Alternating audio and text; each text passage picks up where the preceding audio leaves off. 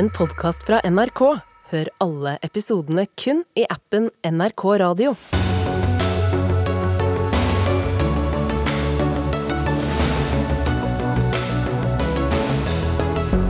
Norge og Tyskland går sammen om storsatsing på hydrogen. Ikke veien å gå, mener SV.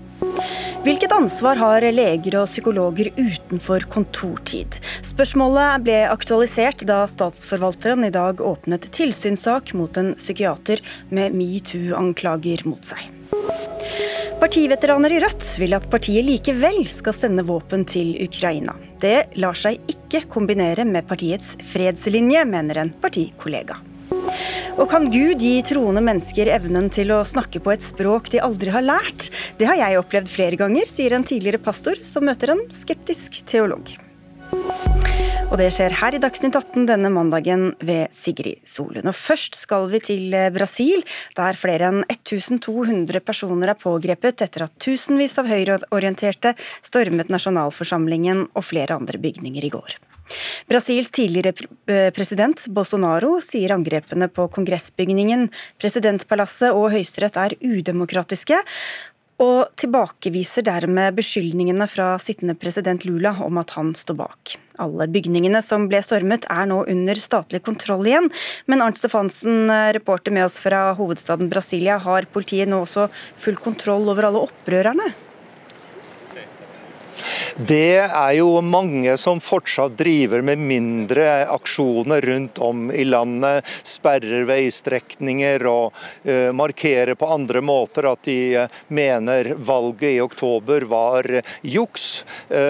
men det store angrepet her i hovedstaden Brasilia ble jo slått ned i, går kveld. Og i dag har politiet gjennomført et, en omfattende razzia foran militære militære, det militære hovedkvarteret, der eh, det har vært en protestleir i hele, i hele høst, og der disse 1200 eh, Bolsonaro-tilhengerne som du nevnte, ble arrestert. Så det er en slags eh, en, en usikker situasjon, og området der jeg står, altså rett foran foran Kongressen og, Senatet, er fortsatt avsperret i et stort område. Så det er en slags unntakstilstand her i hovedstaden fortsatt.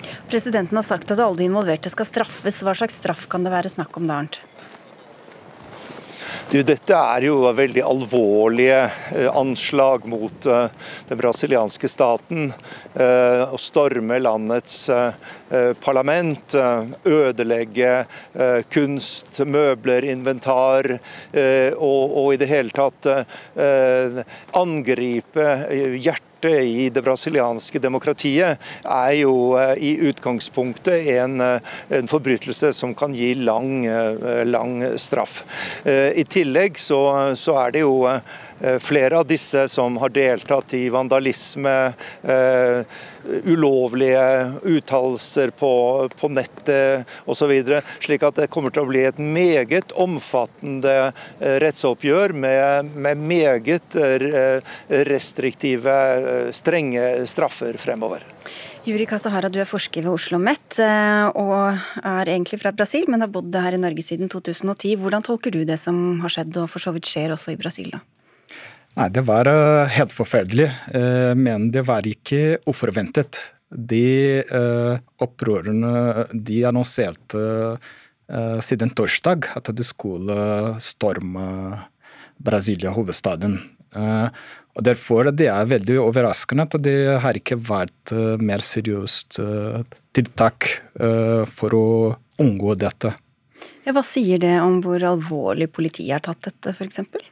Ja, Det er egentlig sikkerhet for Brasilia. Det er ansvar for lokal guvernør i Brasilia, som ble allerede fratatt, suspendert av stilling av Røyserett for 90 dager for eh, gransking. Eh, og derfor, eh, nå de er hovedstaden er under federal intervensjon. Fordi, for å sikre at alle de opprørerne skal bli fjernet Men det er jo også en dyp konflikt som ligger i bunnen her. Eh, utenriksminister Anniken Huitfeldt, eh, på fredag var det to år siden Kongressen i USA ble stormet. Nå skjedde altså nesten det samme i eh, Brasil. Hva sier det om de interne motsetningene i landet? Det er veldig sterk polarisering. hvor mange ikke godtar da et valgnederlag og går til angrep på demokratisk valgte institusjoner. Eh, man kan si mye om brasiliansk politikk, eh, men jeg har tiltro til at det valget er gjennomført på en god og riktig måte. Og det er jo nettopp dette som er en trend, ikke bare i Brasil, men også andre land, som er skremmende. Fordi at man ikke godtar da en fredelig maktovertakelse, som er kjernen i demokrati. Arnt Stefansen, hva slags støtte har denne gjengen i befolkningen ellers, eh, sånn som du har inntrykk av? Ja, Det er jo et nøkkelspørsmål. Vi har jo noen fakta å holde oss til. Ehm, det ble gjort en ganske omfattende undersøkelse eh, av det som heter Datafolia, som er et stort eh, meningsmålingsinstitutt her i Brasil, da, man, da Bolsonaro-tilhengerne satte i gang en, en, en, en, slags bølge av hærverk og, og uro her i Brasilia i desember i forbindelse med den, eh, denne såkalte offisielle eh, erklæringen fra Høyesterett om at valget var, på, var, riktig gjennomført. Og Da viste en meningsmåling at eh, rundt 25% av brasilianerne støttet denne aksjonen. Altså Det er rundt halvparten av de som stemte på Bolsonaro ved valget i oktober. Jeg vurderer slik at denne aksjonen er mye mer alvorlig og graverende, og at oppslutningen antagelig er mye mindre om, om dette. Men du har altså en hard kjerne som har gått til ytterligheter før, og som nå tok det helt ut i et klimaks ved gårsdagens angrep eh, her i Brasilia. Og de eh, vil nok fortsette å, uh, å agere og, og protestere på, på forskjellig vis, men det store flertallet av brasilianerne, og også sannsynligvis flertallet av de som stemte på Bolsonaro, eh, vil nok ta avstand fra en aksjon som denne. Kasahara, Bolsonaro gikk jo etter hvert ut og sa at han tok avstand fra disse opptøyene. Hva, hvor troferdig var det, sånn som du vurderer det? Det er vanskelig å svare, men uh, selvfølgelig han uh, vil ikke si noe som kan uh, bli brukt mot han på en etterforskning. Fordi uh, det er mange som vil sette han i en sånn etterforskning. og hva som helst som sier, som påpeker en støtte til disse ting som skjedde i går, det skal bli brukt mot han. Så han selvfølgelig han prøver å distansere seg av dette som skjer.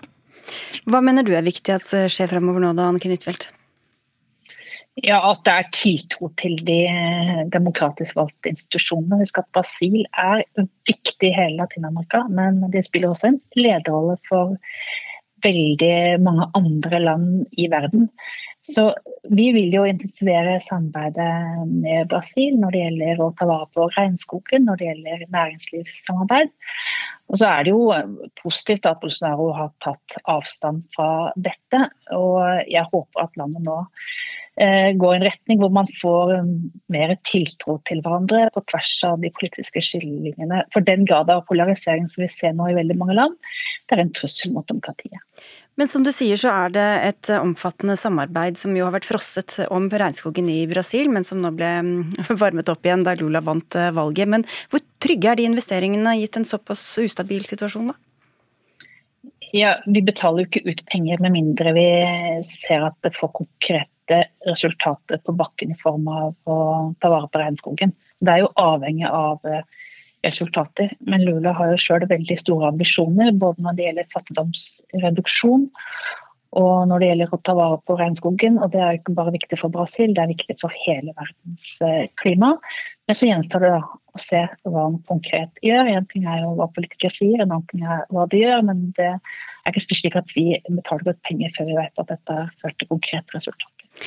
Kasahara, til slutt her, Hva tror du kan komme til å skje framover? Er det noe slått ned på, eller kan det komme mer tilsvarende ting, tror du? Det er, eh, det er et godt spørsmål. Eh, det er noe som eh, nå Det må bli straffe de folk og stoppe med dette. fordi risiko er at disse gruppene utvikler seg og radikaliserer seg videre og ta andre aksjoner. Så det er veldig viktig å stoppe det nå.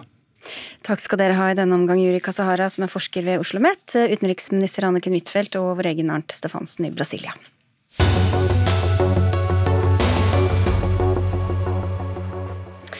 Hydrogen det er stikkordet for neste sak, og for et nytt stort samarbeidsprosjekt mellom Norge og Tyskland. Det tyske energiselskapet RVE skal produsere hydrogen i Norge, og gassen skal etter hvert sendes til Tyskland gjennom en ny rørledning. Og Det er dere som har ansvaret for å lede dette fra norsk side, Øystein Rossebø. Du er direktør for forretningsutvikling og prosjekter i Gassco. Og hva mer går dette prosjektet egentlig ut på? Eh, takk for det.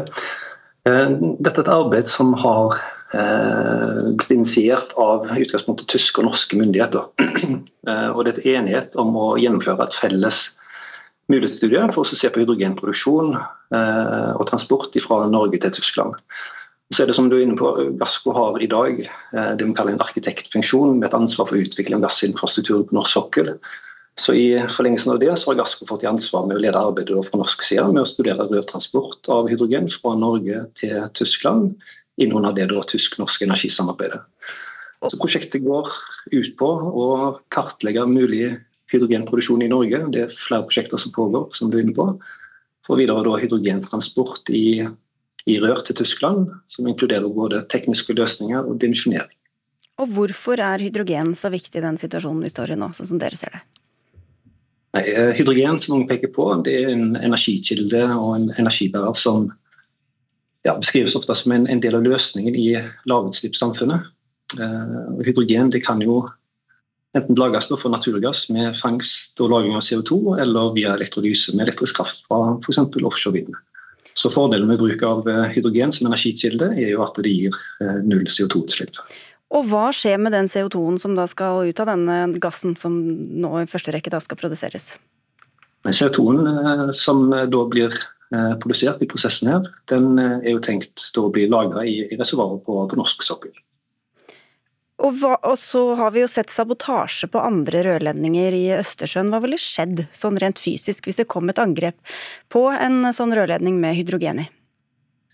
Så hydrogenrør, eh, hvis det blir realisert, så er hydrogenrør som alle andre rør på norsk sokkel. Eh, vi vil ha et vedlikeholds- eh, og inspeksjonsprogram for å sikre den tekniske integriteten av, røret. Det vil være en del av et omfattende system som opererer. og det, det, er jo derfor viktig at vi, vi overvåker systemet kontinuerlig, sånn at vi tidlig kan oppdage eventuelle hendelser. Eh, og vi har overvåkingssystemer som følger dette opp eh, kontinuerlig. Vi har også eh, kontinuerlige beredskapsøvelser hvor vi trener på ulike scenarioer, f.eks. rørbrudd. Vi følger opp der, og så sier vi tusen takk til deg, Øystein Rossebø. For det var mange som mottok denne nyheten med begeistring, men det var mer lavmælt. Det var kanskje feil ord, men i hvert fall ikke så begeistring fra dere, Fredrik Hauge. Du er stifter av miljøorganisasjonen Bellona. Hvis vi begynner med dette siste, dette sikkerhetsaspektet, hva slags bekymringer har dere der? Jeg tenker at uten at vi skal konkludere her og nå, så tenker jeg at den sabotasjeaksjonen mot Nord Stream den forandrer nok noe av narrativet eh, for hvordan vi kommer til å transportere energi.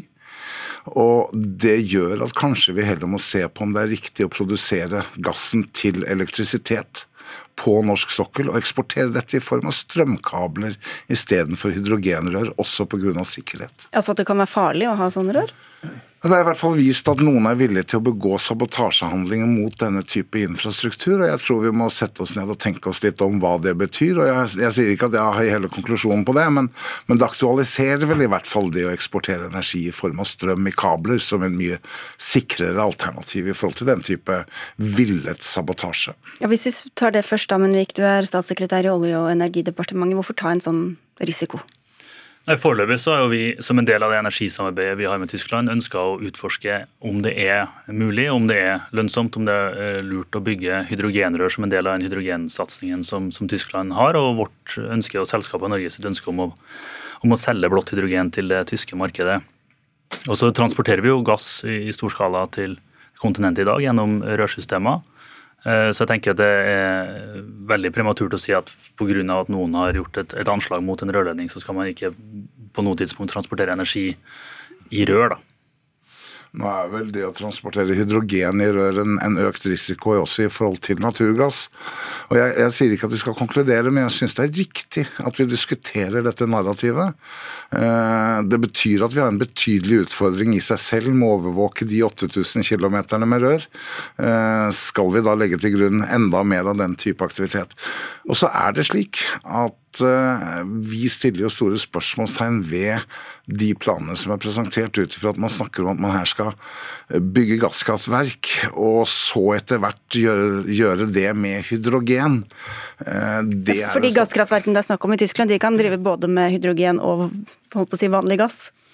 Ja, det er, det er, blitt sånn at i det nye regelverket for EU så kan altså kull, kullkraftverk som går over til gass, men kan si at de er hydrogenklare, eller stålkraftverk som går over fra kull til gass, eh, og sier de er hydrogenklare, de kan få andre regler i den grønne taksonomien. Og Dette er veldig uheldig, og, og man kan jo stille seg spørsmålet hvis det står et kullkraftverk der Hvorfor putter man ikke bare på CO2-fangst og -lagring på det kullkraftverket, istedenfor å gå denne omveien om hydrogen? Ok, Det var litt vanskelig ord her. Taksonomien det er da EUs regler for hva som regnes som grønt og ikke grønt osv. I, I bunn og grunn her så er det jo Tyskland som prøver å løse flere utfordringer samtidig. De prøver å løse en utfordring hvor de har for lite kraft i perioder hvor det ikke blåser eh, og, og sola ikke produserer nok energi. og Derfor så trenger de ny kraftproduksjon. Da har de ønska å gå i kontakt med norske aktører, ønska å bygge kraftverk for å løse det problemet. Så har de også behov for, for eh, hydrogen, både i, i, kjemisk industri for å produsere eh, nye produkter som vi trenger også i det grønne skiftet, men òg for å kjøre disse kraftverkene på når teknologien er der. Eh, og Det er jo på en måte et tysk valg da, å ta stilling til hvordan vi ønsker å, å bygge dette. For oss så gir det også en mulighet potensielt til å eksportere blå hydrogen, som både kan gi Blå hydrogen det er noe annet enn det vi snakker om nå, egentlig? Nei, blå hydrogen er jo det som ligger til grunn sånn for dette prosjektet i utgangspunktet, som er hydrogen produsert med naturgass. Ja. Eh, med rensing, og så eksporteres okay. det. For Vi skal egentlig over til denne grønne altså Dette er litt komplisert her. Vi knepper på deg, Lars Haltbrekken, for du setter i energi- og miljøkomiteen på Stortinget for SV, og har også store innvendinger. Hvorfor det? Hydrogen er bra eh, for å kutte utslipp av klimagasser hvis vi bruker det fornuftig. Da snakker vi om å bruke det i båttrafikk, i tungtransport og industrien, men det å legge opp til en massiv eksport av hydrogen for å brenne det i f.eks. tyske gasskraftverk er meningsløst. Da forsvinner det enormt mye energi ut uh, til kråkene, og vi vil også måtte produsere veldig mye strøm i Norge for å produsere det hydrogenet det vil legge beslag på forferdelig mye natur. Så å legge opp til en storstilt eksport av hydrogen, eh, enten det er grønn eller blått hydrogen, mener vi er feil. Men hvis alternativet er kullkraft, da? Alternativet er ikke kullkraft, for vi ser at i Europa nå så legger man om til fornybar energi. Eh, og eh, det å samarbeide med Europa om f.eks. CO2-fangst og -lagring, det er bra. Og det å få til CO2-fangst og -lagring også på kraftproduksjon i eh, Europa er smart. Men vi kan ikke erstatte det. Vi kan ikke erstatte kullkrafta med en hydrogensatsing som gjør at vi bruker enorme mengder energi, legger beslag på store naturområder i Norge eh, og får veldig lite energi eh, igjen. Det er viktig å skape aksept for det vi kaller blått hydrogen i Tyskland. Det er også derfor vi har kontor og jobber mye med det. Forklar forskjellen på blått og grønt er, hydrogen. Det, det er hydrogen som blir laget av naturgass med CO2-fangst og -lagring. Eh, grønt hydrogen blir da med vannkraft eller vindkraft eller solkraft gjennom det vi kaller en elektrolysør. Og her får vi stort energitap. Uh, og Det har vært ganske interessant å se. Det har vært lagt fram ganske mange rapporter i Norge om at vi får et så voldsomt kraftbehov framover. Og I disse rapportene så ligger det en betydelig mengde med fornybar energi, altså vann og vindkraft, som skal gå til å lage hydrogen for eksport. Det ser vi svært lite verdiskapning i. Men vi ser verdiskapning i å kunne bruke gassressurser til å lage blått hydrogen. Ikke til kraftproduksjon, Ikke til tungtrafikk, kanskje til maritim sektor, men til kjemisk industri i Europa er det et marked for det. Forklar hvorfor dette er hensiktsmessig energimessig, Vik. Eh, det som vi diskuterer nå, det som vi har diskutert nå en par dager med utgangspunkt i samarbeid med Tyskland, er jo at eh, bl.a. Equinor og RWE, som er et tysk selskap, har ønska å inngå et samarbeid hvor de bygger sånne gasskraftverk som kan ta hydrogen etter hvert. Eh, og at det også i den sammenhengen diskuteres at vi med sammen med tyske myndigheter utreder muligheten for å bygge et rør for å transportere hydrogen fra Norge til Tyskland. Eh, og så er det jo ikke sånn at det er vi som får trekke dette røret rundt uten å ha spurt tyskerne først. Dette er jo med utgangspunkt i ønsket i Europa om å bruke bl.a. hydrogen til å komme seg gjennom energiomstillingen på en måte som gjør at de også sikrer tilgang på kraft når det ikke blåser og når man har utfordringer. Og nå ser Vi jo, vi er jo en situasjon hvor det er en veldig prekær utfordring akkurat nå. Og det at de tenker på, som også er et sikkerhetsaspekt, det som, som vi starta med her, at det er nødvendig å ha kraft hele døgnet. og Da kan gasskraft og så etter hvert hydrogen bidra både til å redusere kullforbruket, men også trygge kraftforsyningen i Europa. Men når vi hører hvor mye energi det krever å gjøre det, og hvor lite energi vi har og kommer til å få, er det da den beste måten å bruke den energien på? Jeg tror hydrogen kan spille en viktig rolle i energiomstillinga. Noe i, i, kraftverk sånn som, som, eh, Equinor og RVE planlegger, men ikke minst i, i kjemisk industri, i stålindustrien og sånn, kan det spille en viktig rolle, og i transport. Men det er veldig viktig at hydrogen lages jo enten av naturgass, som, er, eh, som vi har lite av, og som er litt av utfordringen i energisystemet i Europa nå, eller av strøm, som vi også har lite av. Så uansett om det er til eksport eller til innenlandsforbruk, så er det veldig viktig at denne markedet bygges opp på en sånn måte at vi vet at her er det kunder som ønsker å bruke dette, som ønsker å betale for det, som gjør at vi har sikkerhet for investeringene som vi gjør, og de har sikkerhet på at det kommer hydrogen. og Det er jo det vi jobber med nå. Ja, vi mener at hydrogen må brukes der vi ikke har andre klimaløsninger.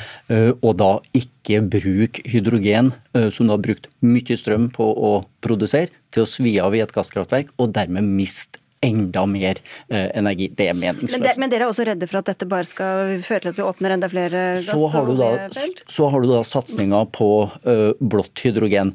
Uh, det kan vi godt gjøre fra de eksisterende feltene, men vi frykter jo også at både regjeringa og oljeselskapene vil bruke det som en legitimering av å gå inn i nye områder og åpne nye olje- og gassfelt for å hente ut mer gass og forlenge den fossile uh, tidsalderen, og det er en stor utfordring. Deler dere den analysen? Det satses mye penger nå i Norge på dette med hydrogen.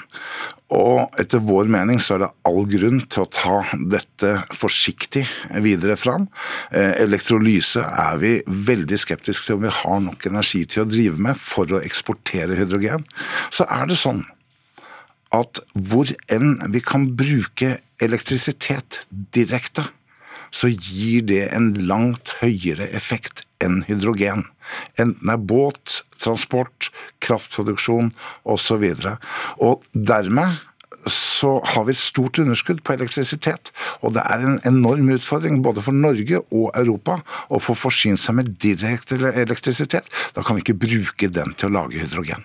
Det har vel for så vidt egentlig svart på, Vik, men til dette med, med gassfelt som eh, Haltbrekken var opptatt av, da, er, er det et argument for å åpne nye felt eh, ved å satse på hydrogen? Altså, det ene argumentet er jo at norsk gass nå eh, og framover vil spille en viktig rolle i Europas energisystem. Hvis det er sånn eh, at det viser seg at blå hydrogen fra Norge kan bidra i Tyskland og i resten av Europa til å redusere utslipp, så er det en bra ting. Og hvis det også betyr at det går an Er det et argument da for å kunne åpne altså for å fortsette å åpne hvis det, være, hvis det, er etterspørsel etter blå hydrogen produsert i Norge, så er det klart det er et argument for å videreføre den næringen vi har, hvor veldig mange jobber, og som gir et verdifullt bidrag til, til norsk velferdsproduksjon. og det, det, er på en måte en bra ting, da, hvis det også kan bidra til å redde klimaet i, i Europa. Din regjeringskollega statsråd Ola Borten Moe sier at dette er lysår unna å være forsvarlig eller fornuftig. Hva syns du om at han går ut og sier det? Ja, nå, nå, har vi jo gått noen runder på hva som er blå og hva som er grønn hydrogen. her. Men, ja. men jeg opplever at det Ola Borten Moe snakka om, var grønn hydrogen. Jeg oppfatter at i stort så er det sånn at man må tenke seg nøye om når man produserer og bruker hydrogen. Hva syns du om at han sa det, da? Han må nå si eh, det han ønsker, han. Men altså, i utgangspunktet så må vi være forsiktige med når vi bruker strøm eller gass til å produsere noe, at det kommer til god utnyttelse der det brukes. Og Det gjelder enten til eksport eller import. Og hydrogen kan spille en viktig rolle i transport og industri, okay. og det kan være bra. Det var det vi var gjennom også. Takk skal dere ha, Fredrik Hauge, Lars Haltbrekken og Amund Vik, for at dere var med i Dagsnytt 18.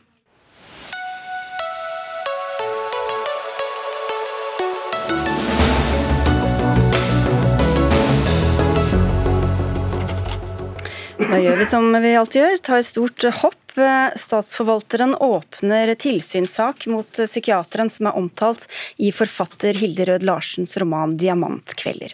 Boka tar utgangspunkt i opplevelser fra Rød Larsens eget liv, og hun mener at psykiateren utnyttet henne seksuelt i en sårbar situasjon. Hun var ikke pasienten hans, men mener likevel at han misbrukte autoriteten sin som lege og spesialist på spiseforstyrrelser som hun led av. Statsforvalteren har ifølge VG mottatt flere henvendelser om den samme psykiateren, og vi skal ikke diskutere denne spesielle saken, men ser generelt på både jussen og etikken i tilsvarende situasjoner. Svein Aarseth, du er lege og leder for etisk råd i Legeforeningen. Hvor går grensa mellom privat og jobbliv når du er helsepersonell? I noen henseender er du alltid helsepersonell, f.eks. plikten til å yte øyeblikkelig hjelp. Den vil alltid være der. Eh, og for å snakke som lege, da, så er det litt et spørsmål er jeg lege eller jobber jeg som lege. og Er det slik at jeg ikke er lege når jeg henger av meg frakken og går hjem fra kontoret? Og Så enkelt er det ikke. I noen sammenhenger så er vi lege også i det private. Fordi du har med deg den autoriteten uansett, ja. så folk vil kanskje betrakte deg som lege selv om du er der som privatperson? I noen sammenhenger, ja. Og i hvilke situasjoner utover det du nevnte nå med øyeblikkelig hjelp, kan en lege eller psykiater eller fysioterapeut for den saks skyld ha ansvar som andre ikke har? Uh, altså Plikten til øyeblikkelig hjelp er jo der, men uh, hvis du mener ansvar på hvordan man oppfører seg, så, så, tenker jeg at hvis man på en måte tar med sin faglige tyngde inn i en relasjon, så begynner det å nærme seg en eh, behandlingsrelasjon, og da er man kanskje lege, da. Eh, men helt klare grenser er det ikke. Nei, ikke sant. Karl Eldar Evang, du er psykolog og psykoanalytiker. Utover dette lovverket, da, hva sier de etiske retningslinjene om hvordan man skal manøvrere? Eh, ja, De etiske retningslinjene sier at du ikke skal bruke faget på noen måte til å utnytte eller undertrykke andre individer. Så det er liksom som en sånn eh, over, eh, overordnet ting. Og så mener jeg at i, i, de fagetiske intensjonene så ligger også at hvis du opplever at noen søker deg som fagperson, så skal du være klar over det. Altså Hvis det er noen som er tydelig lidende, og som søker deg med en forventning om terapi, så kan du ikke svare opp med det fordi du liker det, eller, eller det passer seg sånn, eller sånn, med å si at jeg skal hjelpe deg sånn og sånn.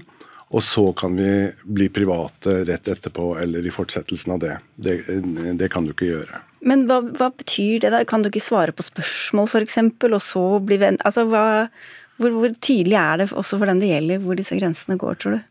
Det, dette er en gråsone, eh, og det forteller noe om at uh, etikken uh, liksom er noe som man må reflektere over.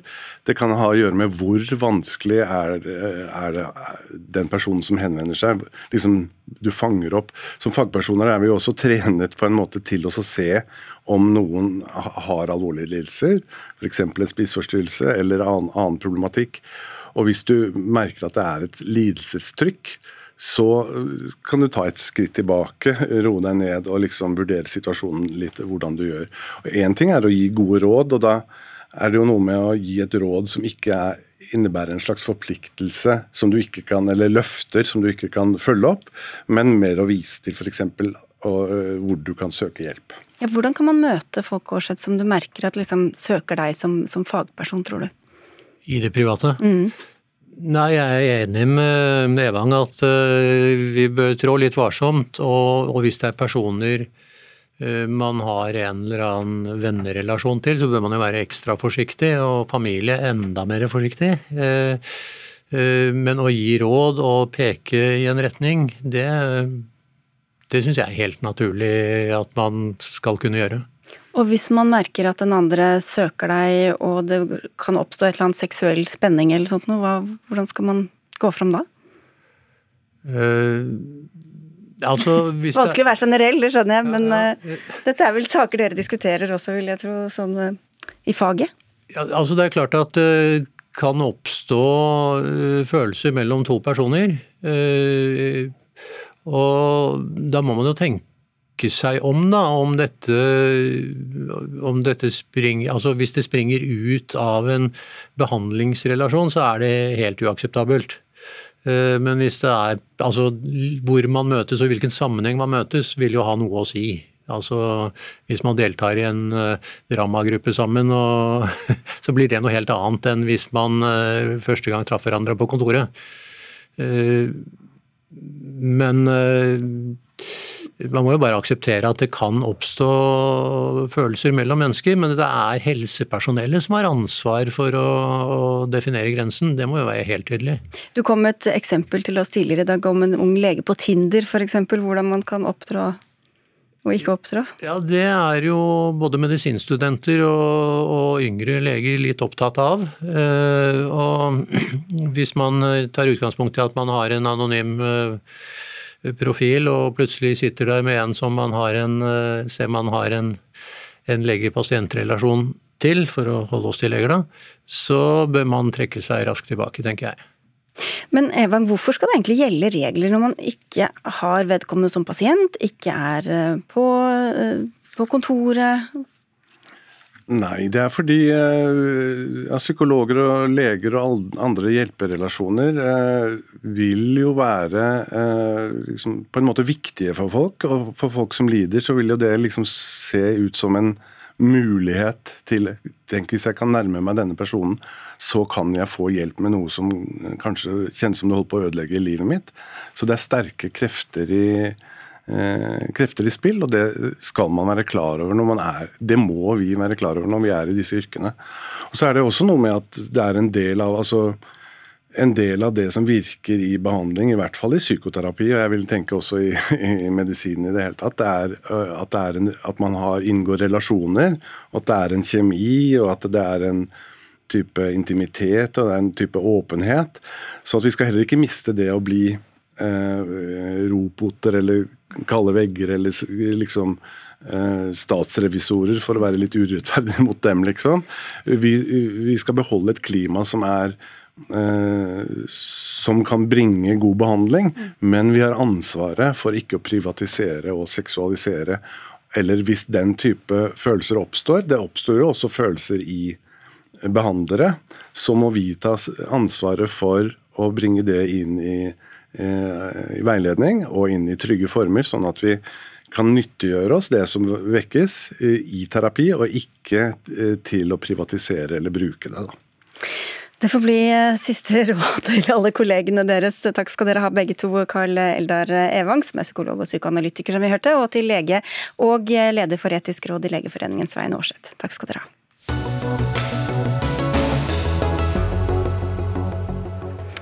Som eneste parti på Stortinget har Rødt sagt nei til å sende våpen til Ukraina, men det vil flere nå gjøre noe med. I fjor begrunnet eh, partiets landsstyre vedtaket med at Norge siden 1959 har hatt som politikk å ikke selge eller sende våpen til land i krig. Men i Klassekampen i dag tar tre partiveteraner til orde for å likevel sende våpen til Ukraina. Og en av dem er deg, Lars Borgersrud. Du er historiker og medlem av Rødt. Hvorfor bør partiet ditt nå skifte ståsted? Altså, da Rødt uh, gjorde sine vedtak om det, som uh, jeg også støttet fullt ut, um, så har jo krigen kommet. Altså disse, disse vedtakene ble jo skrevet før krigen brøt ut, og la jo til grunn en helt annen situasjon. Eh, og nå har jo krigen altså eh, utviklet seg til en nærmest total uh, luftkrig. Og vi står overfor en tøff vinter. Og det vi har tatt til orde for, vi tre, jeg og Terje Kolbotn og og um, Boje Ullmann, som vi jeg, vi, jeg, tror vi representerer 150 år med antiimperialistisk arbeid. Um, det vi har tatt til orde for, er at befolkningen i Ukraina skal slippe å få bomber i huet gjennom denne vinteren. Men skjønte dere ikke det, at en krig er fortsatt en krig, da den, da den brøt ut, og Rødt stemte nei til, på Stortinget til å sende våpen?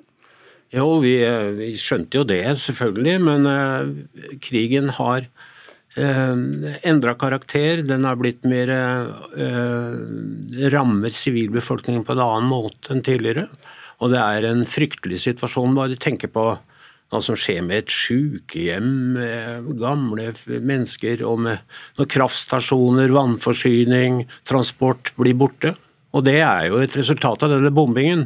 Og Norge kan bidra da, mm. med, med noen midler og gjør jo det, men uten deres velsignelse, Joakim Møllersen, du er sentralstyremedlem i Rødt, og du sier at dette forslaget strider mot fredslinja dere har ligget på.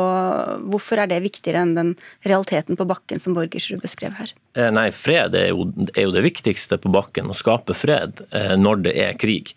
Det som er, eh, det som er de praktiske implikasjonene av forslaget til Borgersrud og gjengen, det er jo at, det er jo at Rødt legger seg på Nato-linja i den krigen. Nato-linja i den krigen, det at man ikke skal gå inn i fredsforhandlinger. Eh, utenriksministeren i USA han har sagt at USA sitt mål i den krigen er at den skal trekke ut for å Han skulle sagt at den skal trekke ut, men den er for å svekke Russland permanent. og Den eneste måten det kan skje på, det er ved at krigen trekker ut, ved at flere mennesker dør, flere blir lemlesta, flere eh, eh, jages på flukt. Og det, det, kan ikke, det, kan ikke, et fredsparti gå med på, det kan ikke et fredsparti gå inn for. Vi er nødt, vi er nødt til, til, å presse Norge til å gå inn for fredsforhandlinger, og dermed bryte med Nato-linja. Men hvorfor er da denne motstanden mot Nato og Nato-linja viktigere enn gi muligheten til ukrainere til å faktisk forsvare seg? Eh, eh, Rødt ønsker ikke å, å, å frata eh, ukrainere eh, muligheten til å forsvare seg. De sier de er helt avhengig av å få inn våpen utenfra for å klare det. Eh, for, for, å si det sånn, da. Det viktigste for, for, for å beskytte menneskeliv er å få slutt på krigen. Det, det, er det, som, det, er det, som, er viktigst. Og denne krigen, den sannsynligvis Du kan jo bare strekke armene i været da, og si vi gir opp, så blir det fred med en gang. Er det det du vil? Eh, nei, jeg vil at Norge skal ha et aktivt arbeid for en fred. Norge har per i dag ikke gjort noe som helst for å få til fredsforhandlinger. Når f.eks. Mexico foreslo fredsforhandlinger, eh, eller en vei mot fredsforhandlinger i september, så stemte ikke Norge for det.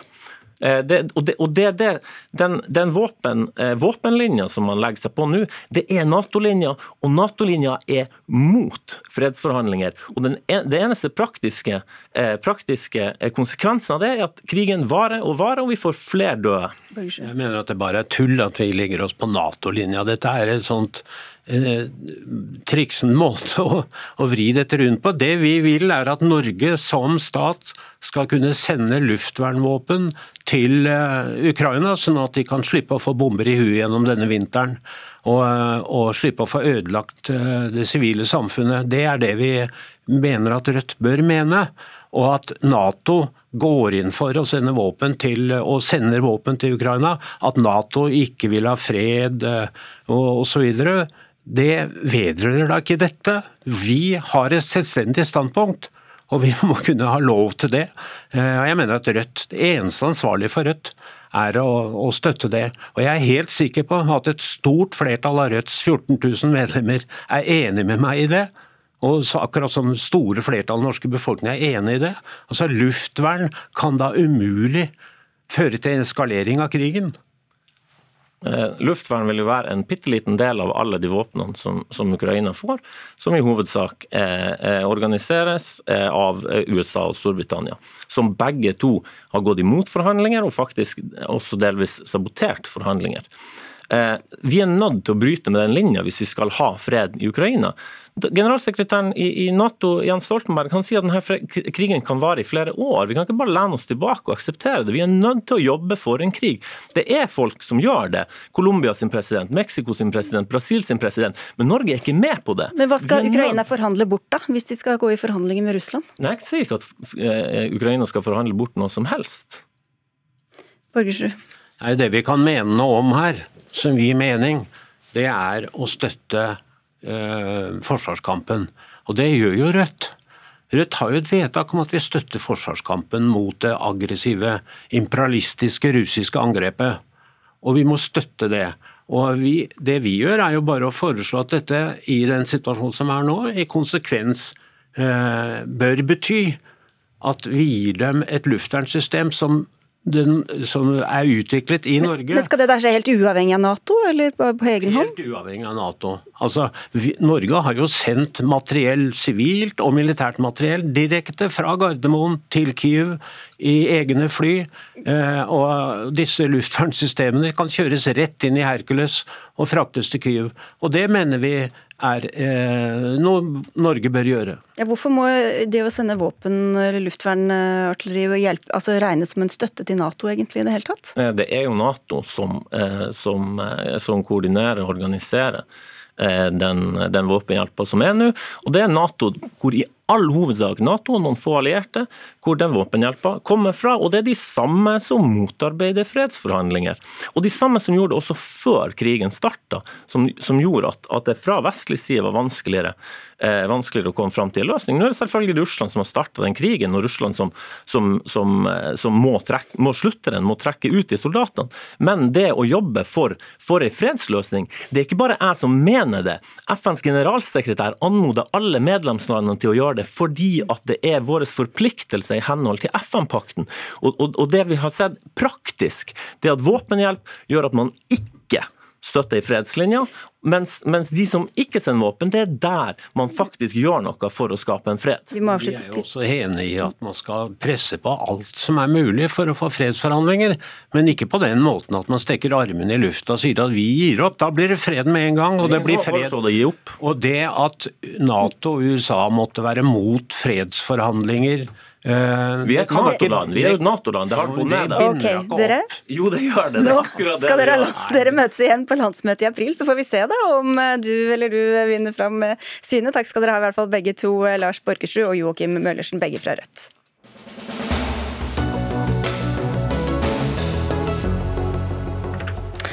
Er det mulig å tale i tunger, altså ubevisst snakke et språk du egentlig ikke kan? I en ny svensk bok mener teolog Mikael Grenholm å ha dokumentert nesten 80 tilfeller av eh, tungetale, skriver avisa Vårt Land. Og du sier selv at du har snakket både finsk, samisk og ungarsk uten å kunne språkene fra før av, Åge Åleskjær. Du er grunnlegger av Frikirken Oslo Kristne Senter, er nå pensjonert.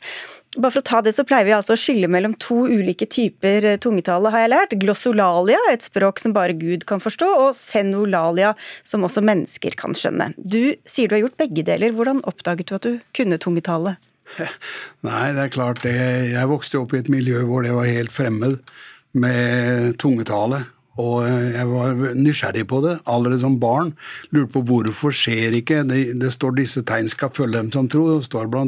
det at jeg skal tale med nye tunger. Så jeg syntes det var rart at ikke noen på det bedehuset jeg vokste opp, gjorde det, liksom. Så jeg stilte spørsmåla helt fra jeg var barn, da. Men eh, jeg var 20 år da jeg opplevde det sjøl. Og jeg etter hvert da Mange ting har skjedd etter det. Men eh, jeg har jo mange opplevelser også langs veien av nettopp det å tale i tunger som folk forsto. Men det er ikke det som er pointet for meg, da. Absolutt ikke. Nei, men det er det vi snakker om nå, da. Men, ja, jeg skjønner det, men det er ikke noe viktig point for meg. Nei, sånn nei, men nå kan du snakke om det. Ja, visst. Atle Ottosen Søvik, du er teolog ved MF Vitenskapelig høgskole og har ettergått flere historier om tungetale. Hva fant du da? Ja, da har jeg undersøkt sjøl, fordi jeg skrev en bok for noen år siden om det. Så prøvde jeg å følge etter sånne historier, og de hørtes først veldig bra ut. og Så prøvde jeg å finne navn og folk og snakke med de, og så viste det seg at historiene var blitt ganske mye bedre. så det var, I hvert tilfelle så hadde liksom en fjær blitt fem høns. Eh, jeg klarte aldri å finne noen sånn godt dokumentert eh, tilfelle av det. Ja, hva er alternative forklaringer, da? Altså, eh, for Jeg har også lest denne boka nå som har kommet, og eh, sett på de historiene der, som er dokumentert mye bedre enn det jeg har gjort. Men eh, det er sånn at hjernen vår den er naturlig innstilt på å se etter mening, hensikt osv. Det har vært nyttig gjennom evolusjonen at den er innstilt sånn, og fyller gjerne inn ekstra informasjon og ting som er i tråd med det vi forventer. Sånn at hvis du er i en setting der hvor masse folk snakker og det er masse forskjellige lyder, så er det ikke så vanskelig at man plutselig syns at man hører oi, sa noen Gud er god, eller et eller annet lignende. Og så eh, kanskje husker man det senere, og så blir, legger man på litt. Og så, ja. så det er i hvert fall en naturlig forklaring. For meg er det klart det er mye mer konkret enn det, da. For det, ut fra Bibelen så står det sånn i Apostelens gjerninger 2, så skjedde jo det fenomenet at de ble fylt med Hellig Ånd, og folk hørte dem tale på sine egne språk. Så det, hvis vi tror på Bibelen, så vil vi tro at det er mulig. Og så er det klart at jeg da vokste opp i et miljø hvor det var helt uh, ukjent, men så opplevde jeg da som 20-åring at jeg opplevde det sjøl. Og det er først og fremst sånn at tungetale er jo et bønnespråk. Det er, det er personlig. Det er meningen du skal bruke det til din egen oppbyggelse. Men så hender det også noe i Bibelen om tungetale og tydning av tunger osv. Så videre, sånn. Og jeg har jo da opplevd ganske mange festlige opplevelser langs veien. Og for eksempel så har jeg opplevd det at jeg eh, ba for folk da ute der hvor jeg, for jeg var evangelist i den perioden. Jeg var lærer egentlig i utdannelse, da, men jeg var eh, evangelist på fritiden. Og da eksempel så var det et møte på Nannestad, bare for å konkretisere det. Og jeg ber for folk da som er kommet fram fordi de er syke. Eh, som jo er vanlig, var jeg, da var jeg i pinsemenigheten. Og da sier jeg til han på klingende samisk jeg, Herren din Gud, legger mine hender på deg og helbreder deg. Og forstanderen kom og spurte meg, kan du samisk, sa han. Fordi du sa til han på samisk at uh, du, Jesus skulle helbrede han. Og jeg lurer på kan du samisk? Og jeg sa nei, så jeg kan norsk og engelsk og tysk og fransk, som vi lært på skolen, men ikke samisk. Og det har jeg opplevd siden da, både tungetale på, på samisk og på finsk og på ungarsk og forskjellige andre språk. Portugisisk. Hvordan kan det forklares da, Søvik? Altså, Jeg er jo opptatt av at det er bra å være kritisk, og det inkluderer å være selvkritisk. Så man må være både åpen og kritisk, og så må man kikke i hvert eh, konkret tilfelle. da. Eh, så når jeg ser på disse konkrete tilfellene, og veldig ofte de aller beste, så er det allikevel en del ting som skurrer. at Ville Gud sagt dette? Ville Gud ha uh, sagt For det, ofte er det da enten noe som er feil For Gud griper jo ikke så ofte inn uh, direkte på jorda. Man, man, kunne jo tenke at her var det i så fall litt sånn dårlig prioritering av Gud, hvis først nå skal jeg endre noens hjerne og stemme og virkelig gjøre et under, og så er det, så er det hver gang veldig ofte enten bare Gud er god, eller uh, noe som viser seg å være feil, så kunne man tenke burde ikke heller Gud gi oss en god oppskrift på koronavaksine eller et eller annet sånt bra. Eh, men egentlig så tror jeg på den ene siden så sier jeg at vi bør være åpne og kritiske, og jeg tror egentlig også at, eh, at vi er enige om eh, å være kritiske i en del tilfeller som rapporteres i For det er mange religioner som vil fortelle om I sjamanisme er det vanlig. i mm ulike religioner så rapporterer de både om at de snakker fremmede språk, og jeg tror ikke du tror på alle de, og det gjør ikke jeg heller, så da er det mer å gå inn i hver enkelt tilfelle. Men bare, hvis, man, hvis man tror på Gud, da, og, som jo og det ondes problem og alt dette åler seg, hvis han først, eller hun skal gripe inn i livene våre, i stedet for å redde kreftsyke, så skal man be folk om å snakke på andre språk og si at Gud er god? Hvor er logikken i det? Nei, det er, jo, det er jo bare en liten bit i helheten. Det handler jo ikke om at alt handler seg om tungetale. Det er mer sånn at det er et, et eksempel i Bibelen på tegn som skal følge de troende. Og for meg var det et veldig aktuelt tema som ungdom. da, at Hvorfor er det ingen som taler i tunger? For det var det som var problemet for meg. Ikke at det var masse tungetale, Nei, men det var ingen tungetale. Men så gjorde du det selv. Skjønner du hva du selv sier da? Når du Nei, når du taler i tunger, så forstår du ikke hva du sier. Det står at den som taler med tunger, det er en ånd som ber. Din forstand har ingen nytte av det, står det, så du skjønner det ikke med din forstand. Og de eneste opplevelsene jeg har hatt, er nettopp sånn at eh, når jeg da har talt i tunger til mennesker, så har det jo ikke Jeg har ikke visst det da, ikke sant. Jeg visste ikke om det sjøl. Og det gjør jo at eh, det fins ingen måte for meg å bevise det eller tenke det annet enn de vitnesbyrdene jeg hørte fra folk, da. Så eksempel i Fredrikstad var det også sånn at det var en ungarer som var framme til forbønn i møtet da, og jeg begynte å snakke ungarsk. Jeg ante jo ikke det, men jeg ba for folk da, og vi, det er liksom sånn karismatisk stil at du ber litt sånn i tunge for deg sjøl, liksom. Okay. Og, og, så sier han så sier han 'Du snakker til meg på ungarsk', sa han. Du sier jeg må bli frelst. Og du vet at det er jo Gud interessert i, å få folk frelst. Og det at jeg snakker til ham på ungarsk og vil at han skal bli frelst, okay. det, han ble jo frelst. Vi må, vi må avslutte. Kan det være noe skadelig ved dette da, Søvik? Nei, altså igjen kan jo kanskje være noen sånne konkrete tilfeller hvor noen får uh, Nå er det en profeti, dere skal ja. investere masse penger her, og det har dessverre noen triste historier om det. Og kom til meg etterpå, jeg har bankkontoen min klar. Ja. Du må tilgi de og de synder, ja. Okay. Så uh, noen tilfeller, men som regel helt som regel ufarlig. Takk skal dere ha, i hvert fall begge to, Åge Åleskjær og Atle Ottosen Søvik, for at dere var med i Dagsnytt 18.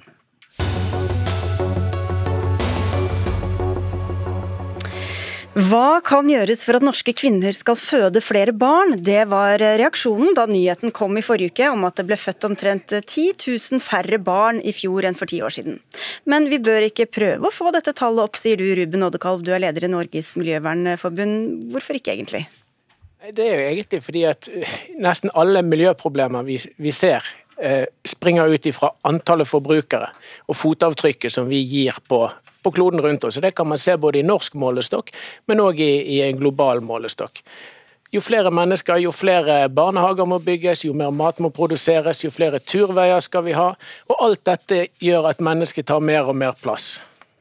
Vi har med deg også, Ida Lindtvedt Røse, du er gruppeleder i Viken KrF, tidligere barne- og familieminister. Eh, som ikke er så glad for at eh, fødselstallene faller. Men hvis du ser det fra et klimaperspektiv, hvorfor er ikke dette egentlig gode nyheter? Jeg mener jo at vi skal få opp eh, fødselstallene og legge til rette for det. Og så mener jeg at vi skal eh, ta klimakutt på andre måter, for det er jo helt avhengig av å kutte klimagassutslipp og sørge for at barn og unge vokser opp i et godt og klimavennlig samfunn. Men hvorfor skal vi føde barn i en allerede overbefolket jord? Det er sånn vår velferdsmodell er lagt opp. At eh, vi har voksne som ivaretar barn, og så har vi arbeidsføre som eh, sørger for eh, de eldre. Og hvis vi får lavere fødselstall, så vil vi slite med å opprettholde velferden vår. Og så er ikke jeg så opptatt av at vi politikere på en måte skal oppfordre, eller vi må gjerne oppfordre til at folk skal få flere barn, men jeg tror at det ehm, er litt provoserende for en del. Enten fordi at du ikke kan få barn selv, eller eh, fordi at du åpenbart ønsker å bestemme selv hvor mange barn du vil ha. Men vi politikere kan tilrettelegge. Eh, og jeg mener at vi må gjøre mye mer for å tilrettelegge for at familier faktisk kan få det antallet barn de ønsker. Og veldig mange nå velger jo kanskje å få ett eller to barn istedenfor tre eller fire. Og det er jo åpenbart fordi at samfunnet vårt også er innretta slik at eh, det er mye lettere å være en familie med ett eller to barn enn tre eller fire barn. Men Oddekald, for mange er jo det å få barn, og gjerne mange barn også, eller i hvert fall flere barn, veldig viktig. Skal de bare sette sine egne behov til side av hensyn til det store vel? Både ja og nei. Jeg har sjøl to barn. Eh, jeg skal ikke ha flere, og det er rett og slett fordi jeg har tatt de standpunktene jeg har tatt. Um, men det er klart det finnes mange løsninger på dette. her, både på, på norsk Det er ikke sikkert er Kina-modellen, eh, hvor man hadde en ettbarnsproblematikk som man hamra gjennom ganske hardt. Det er ikke sikkert det er veien å gå, men det kan være sosiale ordninger. og Forskjellige nasjoner må kunne styre dette her på forskjellige måter. Og så må man også huske på at Dette er ikke bare et klimaspørsmål, det er òg et natur- og miljøspørsmål. For Jo mer plass vi tar, jo mer må naturen vike.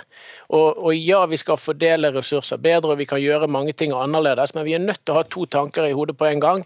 Og hvis man hele tiden skal legge opp til en sosial modell hvor man skal ha litt flere eh, Hver generasjon skal øke litt for å holde liv i den sosiale modellen, så, så, så, går det ikke opp. Kloden er bare så stor, han har bare så og så mye ressurser. Vi ser allerede i dag at antallet altså vi overbelaster kloden på veldig mange områder allerede i dag. Og selv om vi klarer å omfordele eh, ressursene bedre, så vil vi på en måte ikke klare å komme i mål.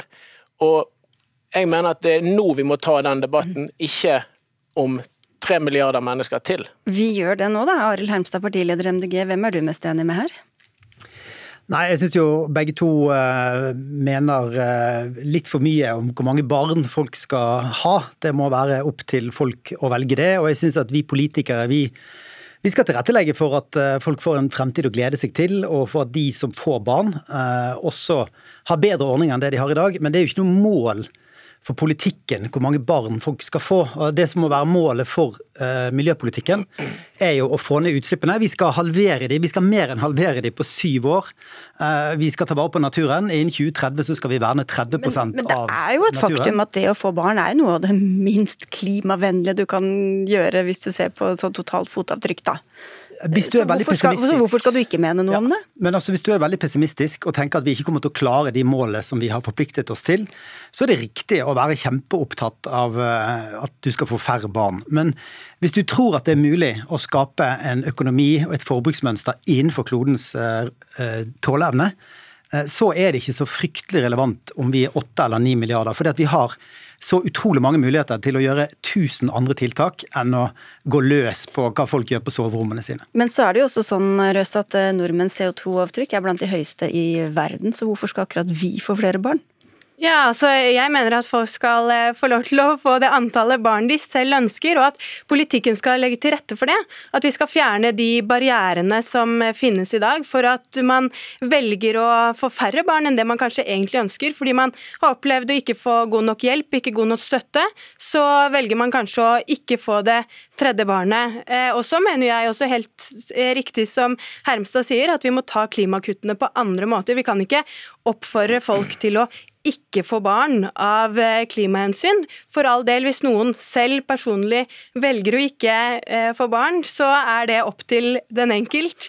Eh, men, men, klimakuttene de må vi ta på andre måter. og Det blir jo helt absurd, mener jeg, å sitte og høre på liksom Kina og ettbarnspolitikk, og at det skal i det hele tatt være relevant for debatten. Ja, Oddekal, Hvordan skal du egentlig legge opp til at folk får færre barn, da?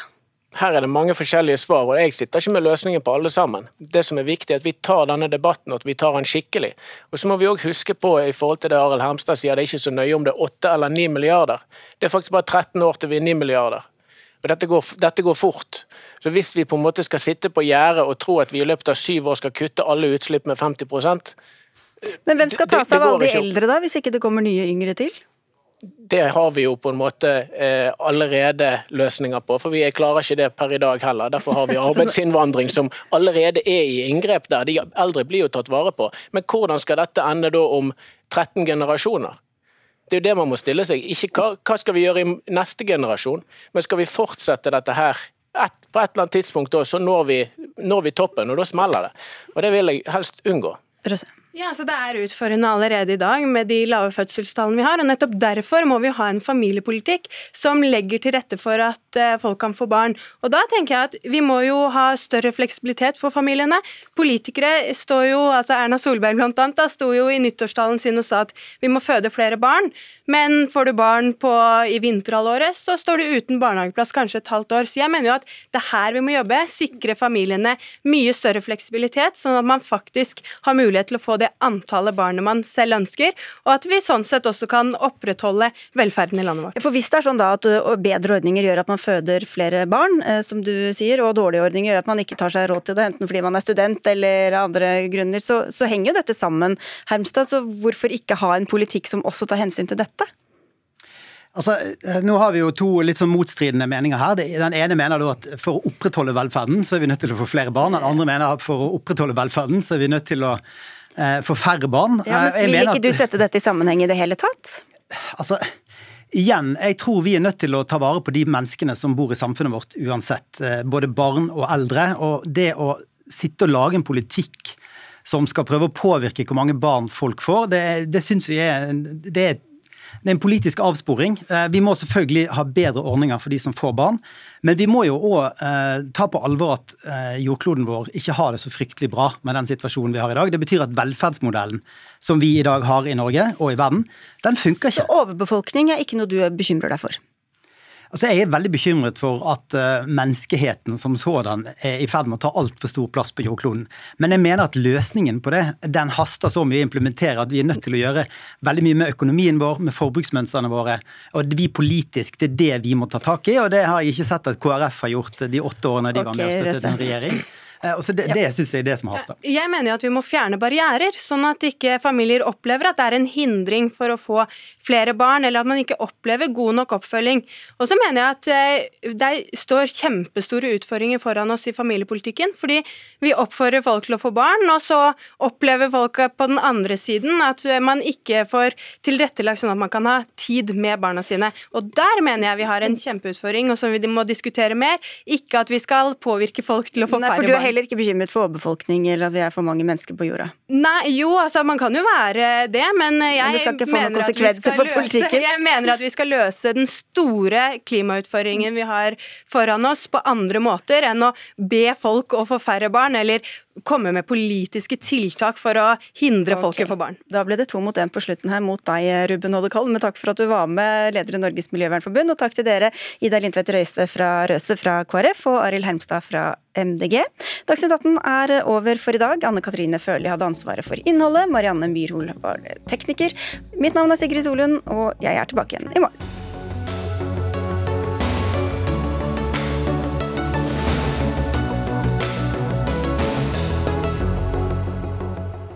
Du har hørt en podkast fra NRK. Hør alle episodene kun i appen NRK Radio.